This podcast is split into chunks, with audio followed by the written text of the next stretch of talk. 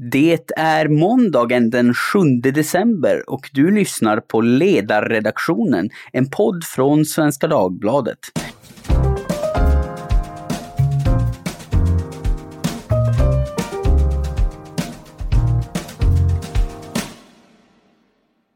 Eh, jag heter Jesper Sandström och idag ska vi prata om skogen. Vem bestämmer över den? Vem ska bestämma över den? Och vad spelar det för roll för människa och miljö? Det är frågor som kanske är på tapeten lite mer än vanligt i och med att den så kallade skogsutredningen blev klar i förra veckan och lämnade sitt betänkande till regeringen. Och inte bara det, i onsdags gick Moderaterna ut och sa att de vill sälja 20 procent av statliga Sveaskogs bestånd till små privata skogsägare komplicerade frågor som de allra flesta av oss kanske inte är sådär superdjupt insatta i. Men vi har förhoppningsvis en upplysande stund att se fram emot. Och det glada gäng som ska bidra till den upplysningen är följande. Eh, Rebecca Lemoine eh, talesperson för biologisk mångfald hos Miljöpartiet. Hej Rebecka! Tjena! Eh, Edvard Hollertz, agronom och skribent i lite olika forum, bland annat tidningen ATL. Hej Edvard! Hallå hallå! Och sist men inte minst Marcus Svensson, Head of Public Affairs på Skogsägarföreningen Södra. Hej Marcus! Jajamän, hej hej! Och lite eh, tillspetsat kan man väl säga så här om Skogsutredningens slutsatser att ingen blev nöjd. Eh, skogsägarna tycker att det är för stor slagsida mot att skydda naturområden och begränsa produktiv användning av dem, medan exempelvis Naturskyddsföreningen är starkt kritiska mot att skyddet inte är tillräckligt. Eh, utredningen blev till som ett resultat av januariöverenskommelsens punkt 26 som inleddes så här värna och stärk den privata äganderätten till skogen. Nu blev inte slutresultatet sådant utan eh, ansvarig utredare Agneta Ögren säger så här i sin sammanfattning av betänkandet. Utredningens uppdrag kan i mångt och mycket sammanfattas som att lösa den strid som pågått mellan olika uppfattningar och intressen i skogen de senaste decennierna. Och det verkar vara lättare sagt än gjort, för när hon intervjuas av SVT säger hon att det nu är upp till politikerna att sätta oförenliga mål mot varandra. Och vad säger ni i panelen då? Är ni nöjda eller missnöjda med Skogsutredningens slutsatser och varför? Om du börjar, Edvard. Eh, tack Jesper. Jag, eh, jag är inte nöjd. Eh, jag tycker inte att den lever upp till den politiska intentionen, i alla fall inte som jag tolkar den. Eh, vad politiken ville med Skogsutredningen var ganska glasklart. Eh, att stärka skogsägarnas äganderätt. En, det var en fråga som var så viktig för Centerpartiet att förhandlingarna med Socialdemokraterna om januariöverenskommelsen en gång strandade på det. Enligt Annie Lööf var löftet om stärkt äganderätt till skog avgörande för att partiet skulle stötta Stefan Löfven som statsminister. Och ja. så kommer nu ett förslag på att över en halv miljon hektar ska skyddas oavsett om skogsägarna vill det eller ej. Det är en utredning som, eh, alltså den utredning som tillsattes för att stärka äganderätten landar ju då i förslag om motsatsen. Ja, Rebecka, vad säger du? Ja, men som, eh, som ni säger, det här är ju en utredning som har liksom, det är en konflikt eh, som har pågått väldigt länge och nu har man utsatt en, en utredning och hoppas att alla konflikter ska liksom på något sätt lösas. Så det är en väldigt helt omöjlig uppgift. Eh, men utredningen har pågått i under ett år och eh, experter, jurister har varit inblandade och skrivit fram det här på 1200 sidor. Eh, trots att jag är väldigt intresserad så har jag inte hunnit läsa igenom alla dessa sidor. Men vad man kan konstatera är ju att det finns vissa delar som kanske då är mer liksom produktionsinriktade och vissa delar som är mer eh, skyddsinriktade. Och det är ju också de två ingångarna som eh, har funnits. Alltså det här är ju en, eh, den här punkten är ju en mix av både Centerns och Miljöpartiets ingångar. Så jag är inte särskilt eh, förvånad över det. Och eh, jag tänker att det är nu vi politiker måste ta det här vidare och göra politik av det. Men jag är ändå glad att den här utredningen finns, för det är någonting som vi kan utgå ifrån. Ja, och eh, Marcus, vad säger du? Ja, eh, jag tycker att det, nästa, det har nästan varit elakt mot de här utredarna.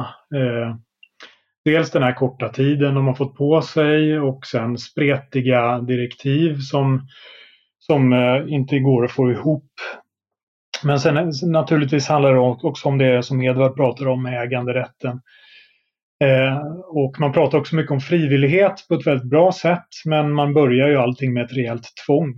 Eh, så ja. det, det, det, hänger inte riktigt ihop. Jag vill också lyfta fram en annan del i, som var central i, i direktiven. Det var ju att säkra tillgången till svensk biomassa. Ja. Och det gör man ju inte genom att undanta eh, en, stor, en, stor, andel av, av eh, den svenska skogen. Sen den huvudsakliga kritiken tror jag egentligen är att man, man gör inte upp med, eller man öppnar inte ens bara locket till Sveriges officiella rapportering om hur mycket skog som är skyddad. Eh, och det tycker vi är lite olyckligt därför att det innebär att vi, vi rapporterar ju 14% skydd idag till, till internationella naturvårdsunionen och EU.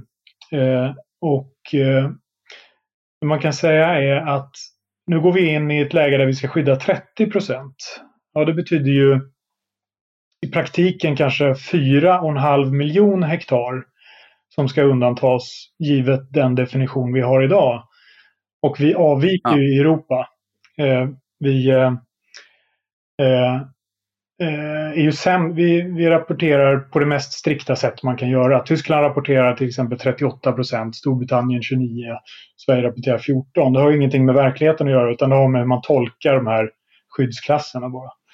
Så det är ju en okay. enorm eh, överflyttning av eh, privat mark till statligt ä statlig ägo om, om det här fortsätter var synd att man inte ja. tog den chansen i utredningen. Nej, nej, precis. Nej, det är kanske en grej man borde ha eh, tittat mer på. Och det, det blir väl på sätt och vis en ganska klassisk höger-vänster-fråga det här. Liksom, högerlösningen är att ta sig an samhällsproblemen med mer frivillighet och stärkt privat äganderätt. Och vänsterlösningen är större politiskt inflytande och statlig kontroll. Men Edvard, eh, om jag nu får göra dig till högerperson, eh, eh, hur, hur stillar man då från högerhåll de som i likhet med till exempel Naturskyddsföreningen menar att mer frivillighet och stärkt äganderätt vore farligt och miljöskadligt? Då, då kommer svaret från högerspöket här. Då. Ja. Det, det, det, till att börja med, det är en superbra fråga för att här, den fångar ju vilka skeva föreställningar som egentligen styr svensk miljödebatt. Och vi har inte marker idag med höga naturvärden eh, så trots att vi har ett spritt ägande och brukande av naturen, utan för att vi har haft tjurskalliga bönder som har brukat sina ägda skogar efter eget huvud. Hade staten fått styra och ställa fritt så skulle Sverige ha varit ett artfattigare land idag. På, och, och det, här, det här tenderar man att glömma. För att på 50, 60 och 70-talet var effektivitet och storskalighet det som predikades till skogsägarna från staten. Det var inte miljöhänsyn. Men lyckligtvis var det många mindre skogsägare som var skeptiskt inställda till dåtidens budskap från staten om storskalighet, produktion. Eh, och jag fick bara för några dagar sedan höra en berättelse som jag tycker är så illustrativ och fångar det här. Och det var den tidigare centerpartistiske riksdagsmannen Staffan Danielsson berättade om att hans pappa på 1960-talet eh, ålades av myndigheten att hugga ner stora gamla ekar på släktgården söder om Linköping. Och istället så sa de till honom så skulle det planteras gran där, för det var rationellt. Och Mm, väldigt motvilligt planterade han gran under ekarna. Men han kunde inte förmå sig att avverka de här stora ståtliga e-, ekarna som vi nu älskar för de är så rika på biologisk mångfald. Eh, och vackra att promenera i ett sånt eklandskap. Så de stora lövträden blev kvar och så försvann granplantorna med tiden. Och idag är de här bygderna söder om Linköping kända för de fina artrika eklandskapen. något som inte hade funnits kvar om det inte hade varit för så här egensinniga lantbrukare som Staffan Danielssons pappa. Ja. Um, och vad, vad säger du, Rebecka, om, om, du då får stå för vänsterperspektivet i den här eh, diskussionen? Vad säger du när du hör det eh, Edvard säger? Kan frivillighet vara ett bra alternativ eller tycker du att det finns stora risker med det som Edvard inte tar upp? Ja, men jag tänker stå för miljösidan utav det här och eh, det är ju självklart så att ett mång, alltså mångfald och att vi har olika personer med olika ingång, att vi har olika sätt att bruka skogen har ju berikat eh, Sveriges liksom, skogsbruk idag. Och eh, det som jag främst vänder mig emot, eh, som jag ser som ett stort problem, är att vi har en klimatkris och en artkris. Och den läggs då på privata skogsägare att eh, själva liksom, eh, försöka bidra och eh, följa följa olika regler, både EU och eh, nationella och eh, försöka ta hänsyn till biologisk mångfald. Men det är egentligen eh, en jättesvår uppgift. För där behöver vi ju verkligen tydlig lagstiftning. Och nu har vi det här med frihet under ansvar och när det har utvärderats i Sverige och i Sveriges skogsvårdslagstiftning då kallas det för frihet utan ansvar. Så på något sätt så tror jag att många personer inte känner till hur hur vag den här skogsvårdslagstiftningen är. För den säger jättemånga bra saker både om kultur och naturvärden men det är bara någonting som man behöver ta hänsyn till om det inte hotar produktionen. Och då, då, de som inte tar så mycket hänsyn de gör alltså större, kan göra större vinst. För det finns inga ekonomiska incitament för skogsägare. Det finns väldigt få i alla fall som verkligen vill kunna ta hänsyn och bidra till att uppnå de här målen. Och det där behöver vi ju helt och hållet vända på. Så istället för konfliktarter så skulle vi behöva bonusarter i skogarna. Så att man får ja. liksom en ekonomisk, eh, alltså ett ekonomiskt eh, bonus då för att man tar hänsyn och bevarar biologisk mångfald i skogen. Ja, eh, nu ser jag att du räcker upp handen här Marcus, så du ska få komma in i samtalet. Ja, nej, men jag tänkte bara säga att vi har ju en historisk skuld på miljöområdet. Eh, det gäller inte bara inom, inom skogspolitiken, det gäller i många, eh, många områden. Det man kan säga är att det statliga misslyckandet som Edvard beskrev här, eh, det ledde ju fram till att man vill ge, eh, man vill avreglera eh, skogspolitiken och, och införa ja, soft reg regulations. Ja. Eh, mjukare regler och då förutsätter man att, att markägaren också ska ta ett ansvar. Om man tittar på den utvecklingen som har varit de senaste 25 åren så så kan man ju bara konstatera att det har funkat väldigt bra. Vi har ju bland våra, vi har ju 53 000 skogsägande medlemmar. Det är ju vartannat träd i Götaland. Eh, och genomsnittliga frivilliga avsättningen eh, hos dem eh, är ju då 8 procent. Eh, mm. Och det, det, är, det är områden som man har undantagit från brukande bara för naturvårdsändamål. Och det värdet uppgår till 20, över 20 miljarder kronor. Mm. Så man kan säga att eh, ja, politiker vill gärna gå in och peta med olika styrmedel och incitament. Men ja, men det här fungerar rätt bra. De flesta skogsägare är intresserade av de här frågorna. De vill inte eh, hugga ner eh, där det är höga naturvärden. Utan man, man, brukar i regel försiktigt. Sen finns det undantag, så är det. Men, men om man tittar på landskapsnivå och helhetsnivå så fungerar den här politiken väldigt väl. Ja, ja Marcus säger att det funkar bra och eh, Rebecka, du verkade inte riktigt hålla med om det. Va, va, vad svarar du på, på idén om att det, att det faktiskt går bra för Sverige? Ja, alltså som eh, naturvårdsbiolog och som har hållit ett öga då på miljömålen och eh, levande skogar och utvärderingen av våra olika skogsekosystem Eh, så, så visar det väldigt tydligt att det går inte bra. Vi missar ju de här målen trots att vi vet om och trots att vi har liksom spesat dem väldigt tydligt. Eh, och det är väl jättebra om markägare tycker att det här går bra, men jag tycker att det är orimligt eh, att, att så mycket ändå liksom läggs på frivillighet. Att så mycket liksom ska vara upp till egna tolkningar. Jag tycker att lagarna måste bli tydligare. Jag tror det skulle underlätta för många skogsägare också. Och eh, de här ekonomiska incitamenten som jag tror mycket av den här ägar, eh, ägarrättsdebatten egentligen handlar om, tror jag faktiskt handlar om en ersättningsfråga väldigt mycket och en tydlighetsfråga. Och det tycker jag att vi politiker mm. måste kunna, kunna liksom leverera med den här utredningen som grund. Ja, och Edvard, eh, när, när Rebecka här säger att ja, okej, okay, det kanske görs en del, men det är inte, det är inte bra nog. Vad, vad svarar du då? Alltså, jag, jag tänker också på eller, dels kan jag säga att jag tycker det är alltid intressant att eh, så här, miljösidan får, alltså, får en ganska ideologisk laddning. Eh, att, att säga att alla svåra, alla komplicerade grejer ska läggas på staten som inom naturvården. När ett område blir för komplext så ska man lägga det på staten. Eh, det tycker jag är lite märkligt. För att om vi blickar ut i världen nu så ser vi att det är inte staten som tar fram ett coronavaccin. Utan de som leder det här är tre privata företag. De har stöd av det offentliga, men alltså det är privata företag som lyckas hantera det här. Och samma tanke tycker jag vi ska behålla när vi går in i naturvårdspolitiken.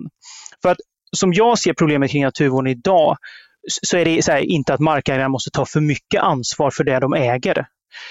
Problemet är att de markägare som gör som Staffan Danielssons pappa på 60-talet och sparar de gamla ekarna och vårdar ett biologiskt rikt landskap, den markägaren riskerar att förlora kontrollen över marken.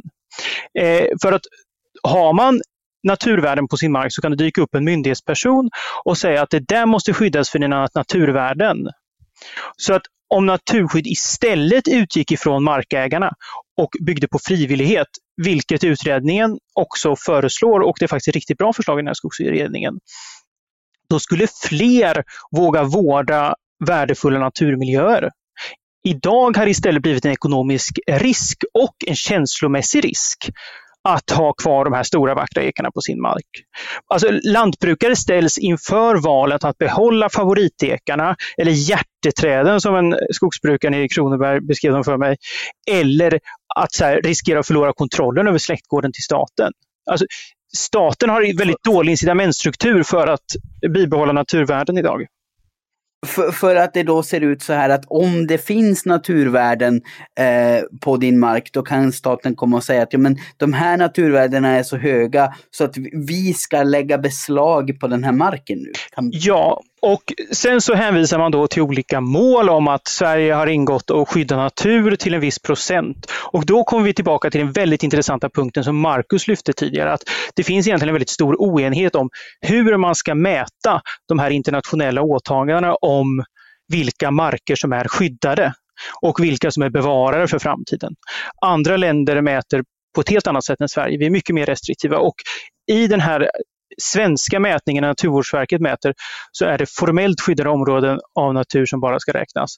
Och det, det, finns en dragning alltså till att det ska vara statlig kontroll på all mark som kan anses skyddad. Ja, ja. och eh, Rebecka, när, när Edvard lägger fram det här som ett problem och som att det, att det faktiskt kan leda till att markägare inte vill upprätthålla eh, eller ge upphov till skyddsvärd mark eh, för att de då kan bli av med den. Eh, hur, hur reagerar du som politiker och lagstiftare på det? Ehm, nej men jag tror att vi ändå är ganska överens. Alltså vi vill väl båda värna eh, liksom olika incitament som gör det lätt för en markägare att eh, kunna ta initiativ och kunna också få en ekonomisk eh, tack för det. Eh, tack för de här ekarna, tack för den här biologiska mångfalden, tack för de här hotade arterna som du är med och faktiskt skyddar. Um, och sen det här som jag inte riktigt förstår varifrån det kommer i debatten. Ingen har ju sagt, varken i det här samtalet eller i utredningen, att 100 procent av Sveriges skog ska bli statligt. Uh, så det känner jag inte igen. Uh, och sen det här med det som, uh, när vi frågar det här, vad, tyck, vad det som Rebecka tycker, um, när jag hänvisar till att vi inte har uppnått våra miljömål eller våra olika skogsekosystem, hur de mår, det är ju inte ett tyckande eller en åsikt, utan det är ju ren och skär fakta. Och det är det vi måste utgå ifrån när vi sen eh, när vi sen förklarar våra olika ståndpunkter och eh, presenterar våra olika förslag. Men en risk är ju att vi, vi blandar ihop de här två olika sakerna. Men fakta är att vi inte har ett hållbart skogsbruk i Sverige och det är det vi måste kunna lösa. Ja, men där, där, där kan man väl då invända då kanske att, att det, det som kan se bra ut på pappret, alltså att på, på politiskt plan göra mer av skogen skyddad, det, det kan i förlängningen leda till att vi blir sämre på att, att vårda de här skyddsvärda eh, alltså de värden som finns. Men Marcus, jag ser att du har handen uppe igen. Vad, vad säger du när du hör det här? Ja, de här miljömålen är ju eh, så märkligt formulerade att de kommer ju inte gå att nå. Det är det liksom första problemet. Eh. Vi kommer ju alltid att misslyckas. Det, det är liksom utgångspunkten. Sen tror jag jag har sympati för det Rebecka säger med att man ska, man, man, det ska finnas incitament för att man ska skydda naturvärden. För vi kan inte ha en sån situation som vi har idag där, som Edvard beskrev också, med att man riskerar att bli av med sin mark om man liksom tar hand om den på ett, på ett, eh, ja, ett sätt som gynnar biologisk mångfald och man, man sparar delar av sin skog. Och så. Det är helt orimligt. Mm. Men det allra värsta är ju att staten gör mark obrukbar utan att ge ersättning till markägarna. Och det är nog den stora frågan som gör att det har varit väldigt upprört i Skogssverige. Eh, det har man gjort genom, i praktiken genom registreringen av nyckelbiotoperna eh, som utredningen också pekar på har saknar rättslig, rättslig grund. Eh, och eh, sen har vi artskyddsfrågorna då, förordningen som nu ses över och där handlar det om att man där, där går man bara in och lägger begränsningar eller avverkningsförbud och så får markägaren ingen som helst ersättning. Det är inte heller något bra incitament i längden därför att då, det, det, man, det man riskerar att starta det är ju en trend där man vill ta bort naturvärden. Eh, ja. Av ekonomiska skäl. Och det är, det är jättefarligt om det skulle slå över dit. Jag tror inte att vi är där än.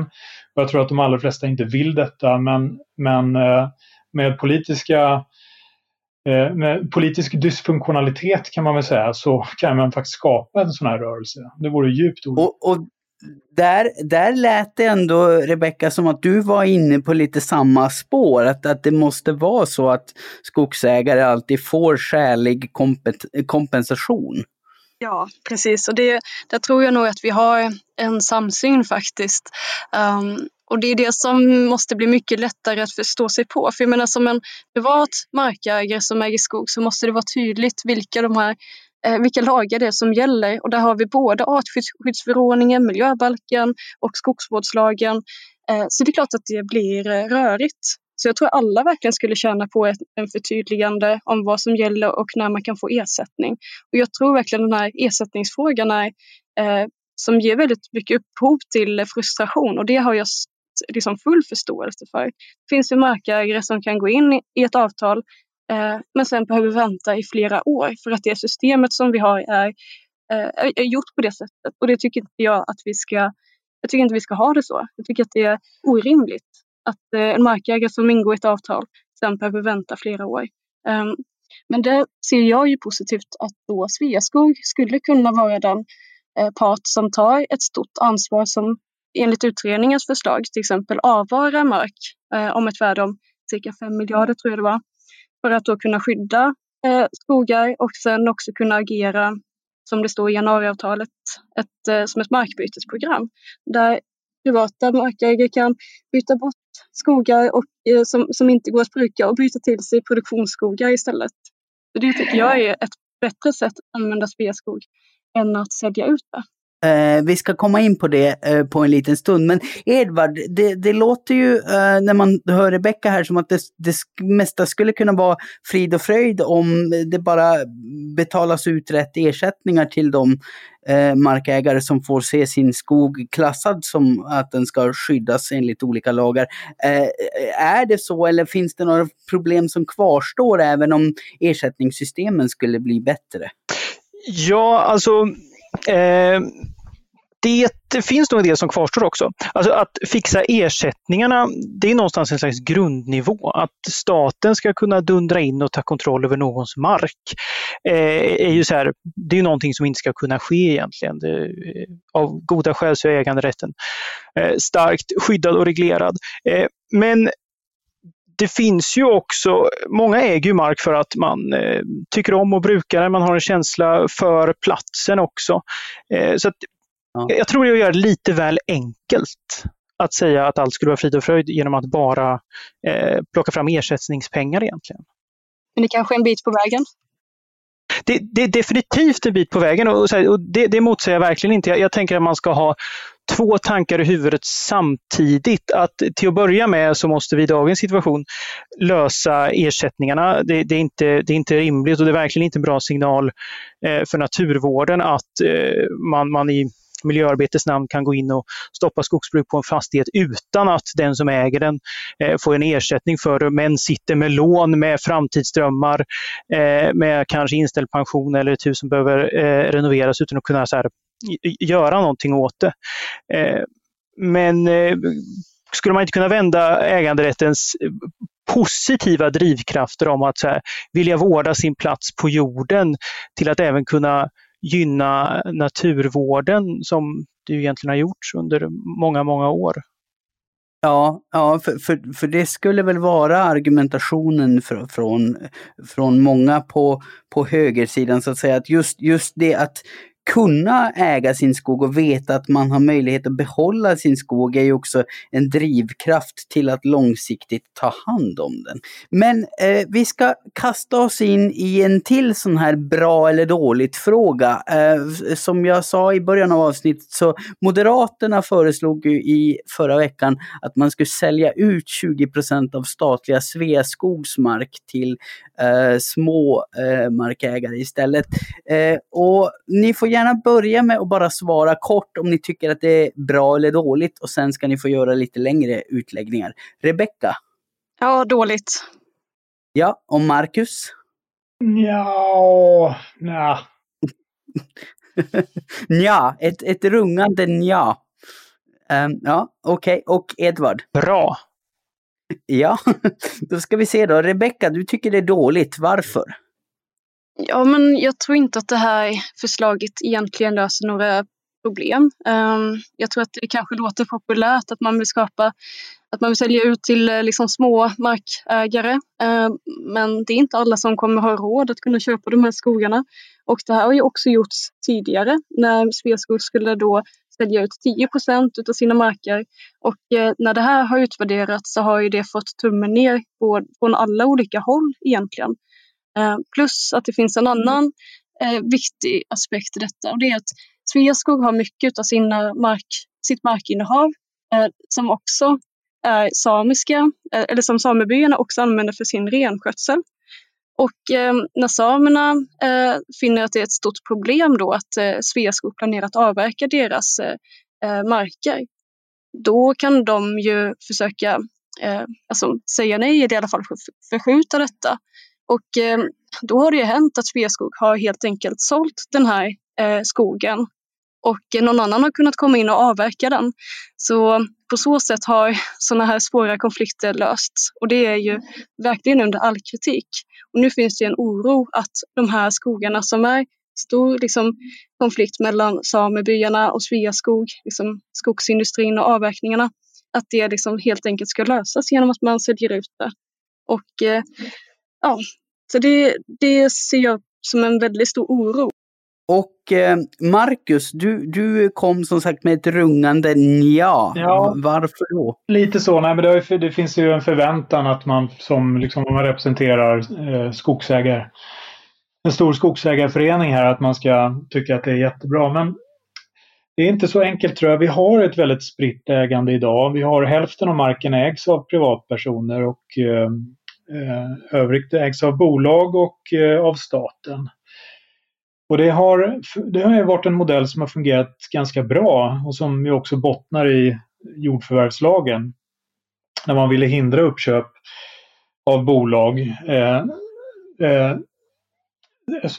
alltså att bolagen tog över den privata marken. Och den, den här modellen har fungerat väldigt bra. Så jag, ser, jag tycker att eh, det, det, det, om det är någonting man hade kunnat fundera över. Så nu pratade ju Rebecka om att sälja, att Sveaskog säljer mark när det passar dem. Men jag tycker ju att ett stort problem är att de köper eh, upp privata fastigheter. Eh, de konkurrerar eh, i Lenhovda om, eh, med, med, liksom, med den lokala bonden där som vill utöka sitt skogsinnehav och så. Det, den, där tycker jag att man hade kunnat eh, gå fram med, med liksom, eh, nya förslag då för att hindra en sån utveckling. Säga att de, de, ska kanske, de måste kanske inte sälja men de borde i alla fall inte köpa mer. Nej, precis. Och, och, och varför inte? Kort. Nej, men det, då, för då, det, man konkurrerar inte riktigt på lika villkor här. Med landets största mm. skogsägare som lägger bud på en fastighet. Det är klart, det kan man ju räkna ut själv vem som vinner den. Eh. Ja, ja. Mm, precis. Men och, i, eh, i övrigt vill jag bara tillägga det att det är ju man får också säga att Sveaskog ska ju nu användas till allting. Och man får ju komma ihåg att det här är ju också ett, det är också ett företag som har betytt väldigt mycket för utvecklingen av hållbart skogsbruk i Sverige. Så att det, det är eh, Minskar man ner dem för mycket också så förlorar de ju också i, i kraft och, och styrka. Även eh, i sina kontakter ute i Europa skulle jag tro, där, där det liksom är eh, vanligare att det är staten som hanterar skogarna. Så att eh, jag tycker att de fyller en funktion. Alltså. Ja, eh, och Edvard, du var mer reservationslöst positiv till den här försäljningen, eller vad, vad säger du? Ja, jag, jag, tycker det är bra. Jag är faktiskt lite förvånad att Södra inte delar den linjen. Eh, Sveaskog äger idag 14 procent av Sveriges skogar.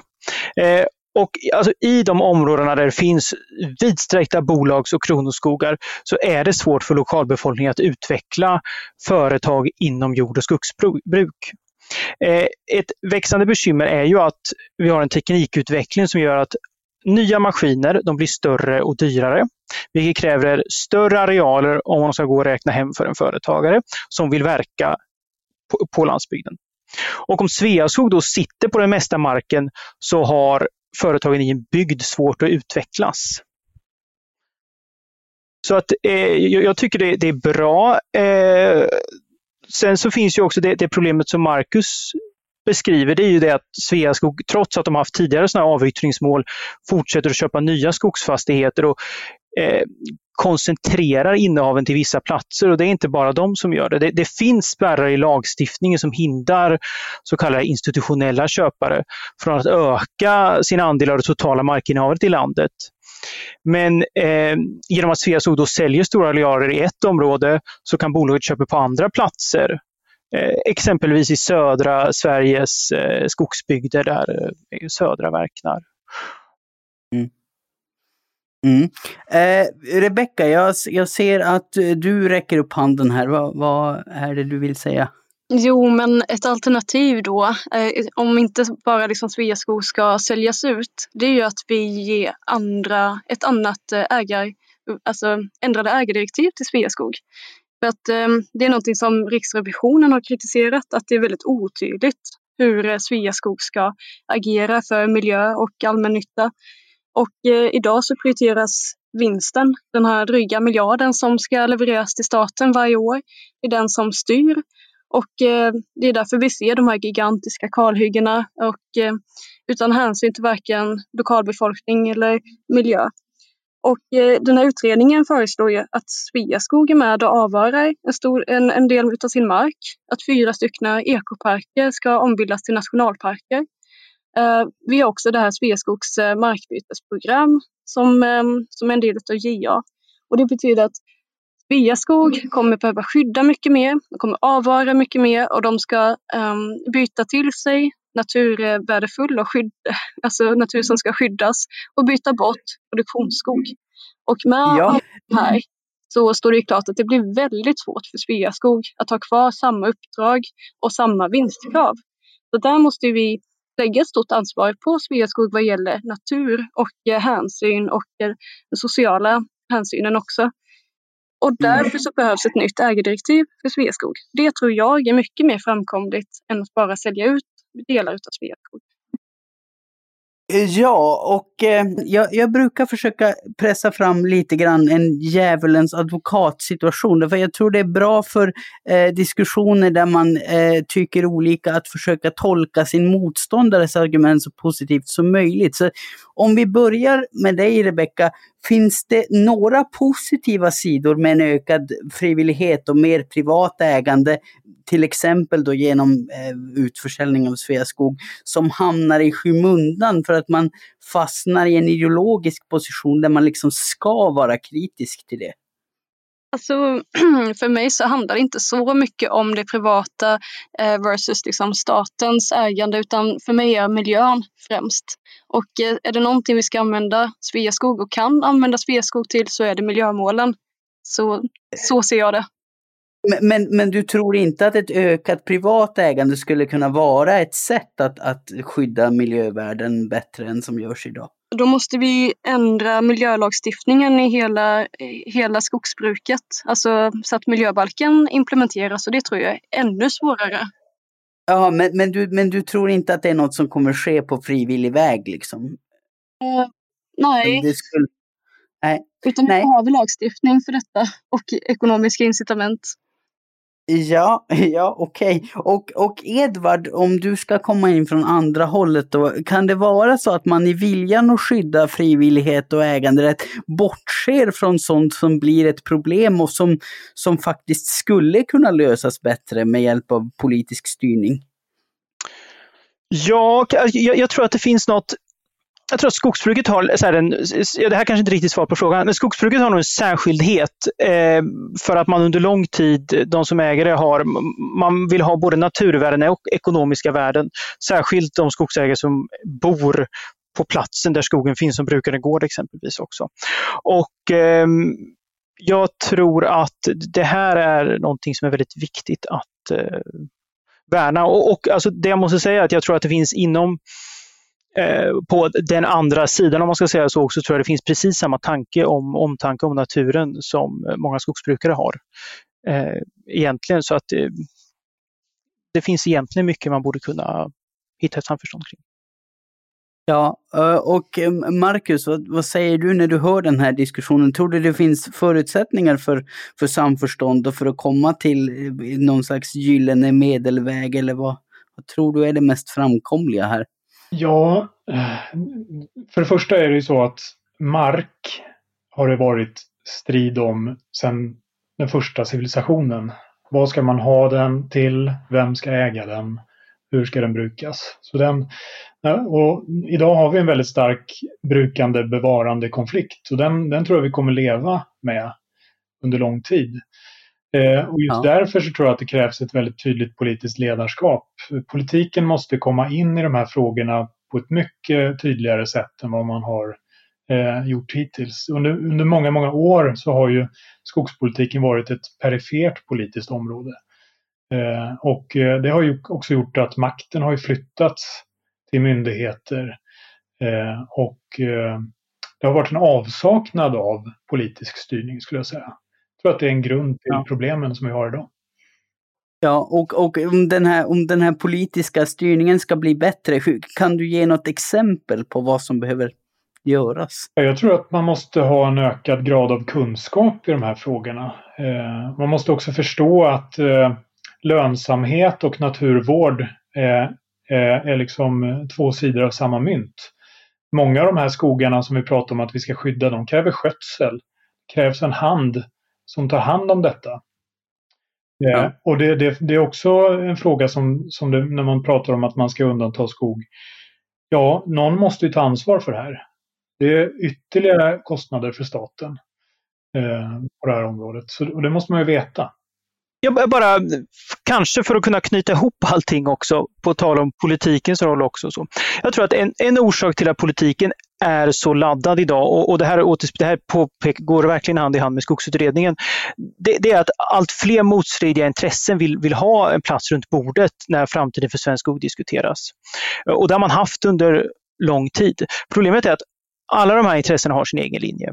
Miljörörelsens organisationer eh, lobbar för att skogen ska bevaras snarare än brukas. Vi har turist och friluftsliv som vill ha skogen som arena för turism. Vi har en jägarkår som vill ha stora viltstammar. Vi har en lokalbefolkning som vill ha fin skog att promenera i. Och så har vi skogsindustri och stora skogsbolag som långsiktigt vill säkra tillgången till skogsråvara och kortsiktigt inte störa nästa kvartalsrapport.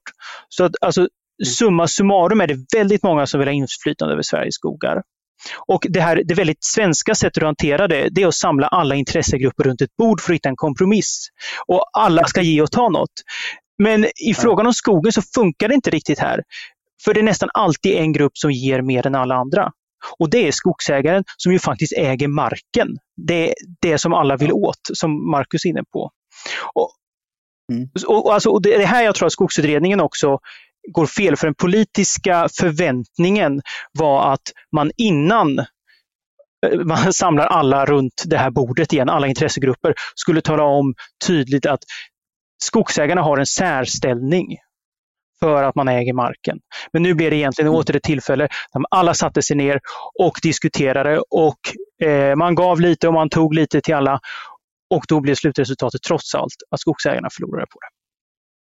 Precis, och, och jag menar risk, risken med det är väl då om, om det mest blir så att det är skogsägarna som ska ge och ge eh, till alla andra som vill, vill ha och ha, eh, så blir det väl allt färre som är intresserade av att långsiktigt äga och ta hand om skog. Ja, ja, och det blir väldigt standardiserat på ett sätt. För att då får man marker som bara är produktionsskog och sådana som bara är miljöhänsyn också. Så det blir ett tråkigt sätt då tänker att den här utredningen också betonar kvaliteten i skogarna. Och det handlar ju mycket om lönsamheten för de enskilda. Och det kan ju också faktiskt gå hand i hand med den här utvecklade turismen som jag tror att många under dessa tider, coronatider, också har liksom lärt sig att uppskatta i Sverige och i Sveriges skogar.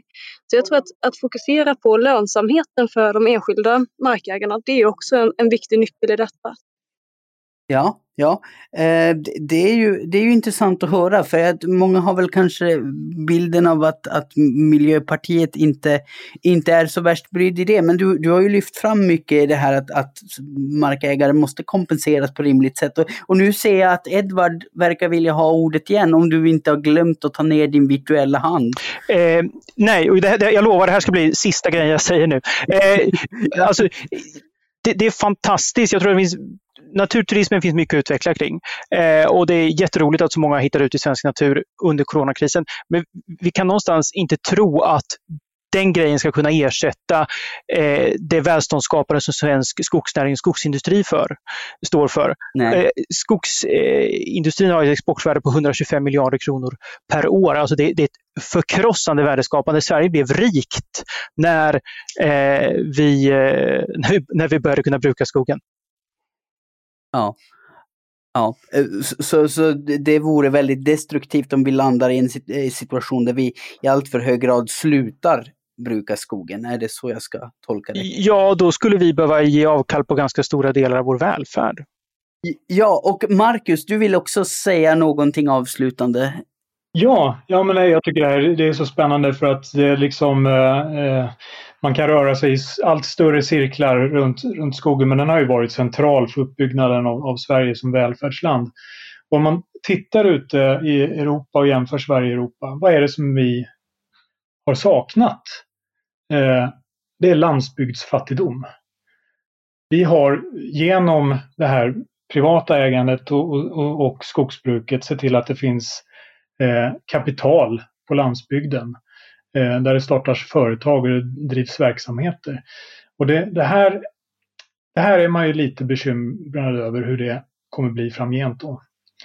Eh, därför att det här är ju, när man pratar om regionalpolitik så pratar man ofta om liderpengar och pizzaugnar och eh, nya torvtak på, på någon stuga och sådär i bidragsform. Det brukar vara den politiska diskussionen om regional, regionalpolitik. Men det här är regionalpolitik på riktigt se till att människor har jobb och försörjning och dessutom via skogsbruket kan bidra till eh, eh, eh, klimatlösningar. Genom att bruka skogen ökar man upptaget av, av eh, koldioxid. Skogens produkter ersätter eh, fossila alternativ som olja och stål och allt möjligt. Det, det är liksom grejen. Precis, det är ju många, många ropar ju på skogen som en räddning i det avseendet och, och det är väl kanske en viktig sak för våra beslutsfattare att ha med sig att man, man får inte i strävan eh, eh att bevara ett värde eller lyfta fram ett värde eh, försaka en massa andra värden på, på ett skadligt Vi ska inte eh, prata om hållbart skogsbruk, vi ska prata om hållbar utveckling. Det, det är en viktig distinktion. Ja, ja precis. precis. Eh, Rebecka, jag ser att din hand är uppe. Du kan få kort säga någonting men sen måste vi sluta för idag. Ja, man kan prata länge om det här. Um, men jag tänker att eh, vi skulle kunna också titta på hur Tyskland, hur de jobbar med eh, sitt skogsbruk. Eh, där ju kalavverkningar är förbjudna i ehm, fyra av deras delstater och sen är de mycket mer restriktiva i att ta upp stora ytor kalavverkningar än i Sverige, där vi egentligen inte har någon definitiv gräns. Och de har cirka tio gånger mer eh, arbetstillfällen kopplade till skogen eftersom att de också förädlar till en stor del själva, eh, vilket vi inte gör. Vi exporterar ju råvara rakt ut um, och där skulle vi kunna bli mycket bättre på att ta tillvara på det och eh, använda det till, eh, eh till eh, livskraft, alltså till produkter som kan ha en lång hållbarhet eh, som möbler, möbeldesign, husbyggen med mera. Så där har vi någonting att verkligen eh, kunna bli bättre på. Och eh, vad gäller klimatet så är ju inte det helt sant att vi bara ersätter. Alltså vi ersätter inte olja och fossilt med skogsprodukter utan vi adderar. Och det, det är ju grundproblemet. Att eh, vi, måste, vi kan inte bara liksom byta eller fylla på med andra bränslen eller andra material utan vi måste också minska det. Ja, eh, det är nog, det är nog en separat podd. Den kan vi ta sen. ja, och vi har sagt att vi ska sluta länge nu, men jag, jag vill bara höra då ett sista svar från dig, Edvard. Äh, ligger det någonting i det Rebecka säger här? Vad har vi att lära av Tyskland i det här avseendet? Eller vad säger du? Eh, jag, jag, tror återigen att det är lite svår jämförelse att dra. Tyskland har en helt annan struktur. Det är ett till ytan mycket mindre land. Eh, det är skogsskiften som är mycket mindre. Folk bor närmare. Eh, det är Ja, jag, jag, tror att det, det, det, är ganska, som sagt det är nästan en annan podd också, men det, det är, det är återigen som, som med turismen, det är väldigt lätt att måla upp och dra de där typ, den typen av exempel. Eh, men självklart kan man lära någonting. man ska väl lära alla positiva exempel som går att hitta. Men, men det är kanske mer, mer komplicerat än vi hinner avhandla eh, under de återstående minuterna här. Ja, men, men med det sagt så tack så jättemycket för att ni har medverkat. Jag tror att det är till våra lyssnares stora glädje. Eh, eh, Rebecca Lemoine eh, talesperson för biologisk mångfald hos Miljöpartiet, Edward Hollertz, agronom och skribent och Marcus Svensson, Head of Public Affairs på Södra. Tack också till alla som har lyssnat. Gå jättegärna in och recensera oss på Apple Podcasts. Det betyder mycket för poddens synlighet i olika rankingar så att fler människor hittar till oss och det är värdefull feedback för oss poddmakare naturligtvis. Vill ni uttrycka några mer detaljerade åsikter, komma med beröm, avhyvlingar eller tips om intressanta ämnen så mejlar ni ledarsidan svd.se. Och producent, det är som vanligt jag, Jesper Sandström. Håll i, håll ut och håll avstånd och vänta duktigt på vaccinet. Man behöver inte hålla på att trängas med folk när det finns internet. Ta hand om er och tack för idag!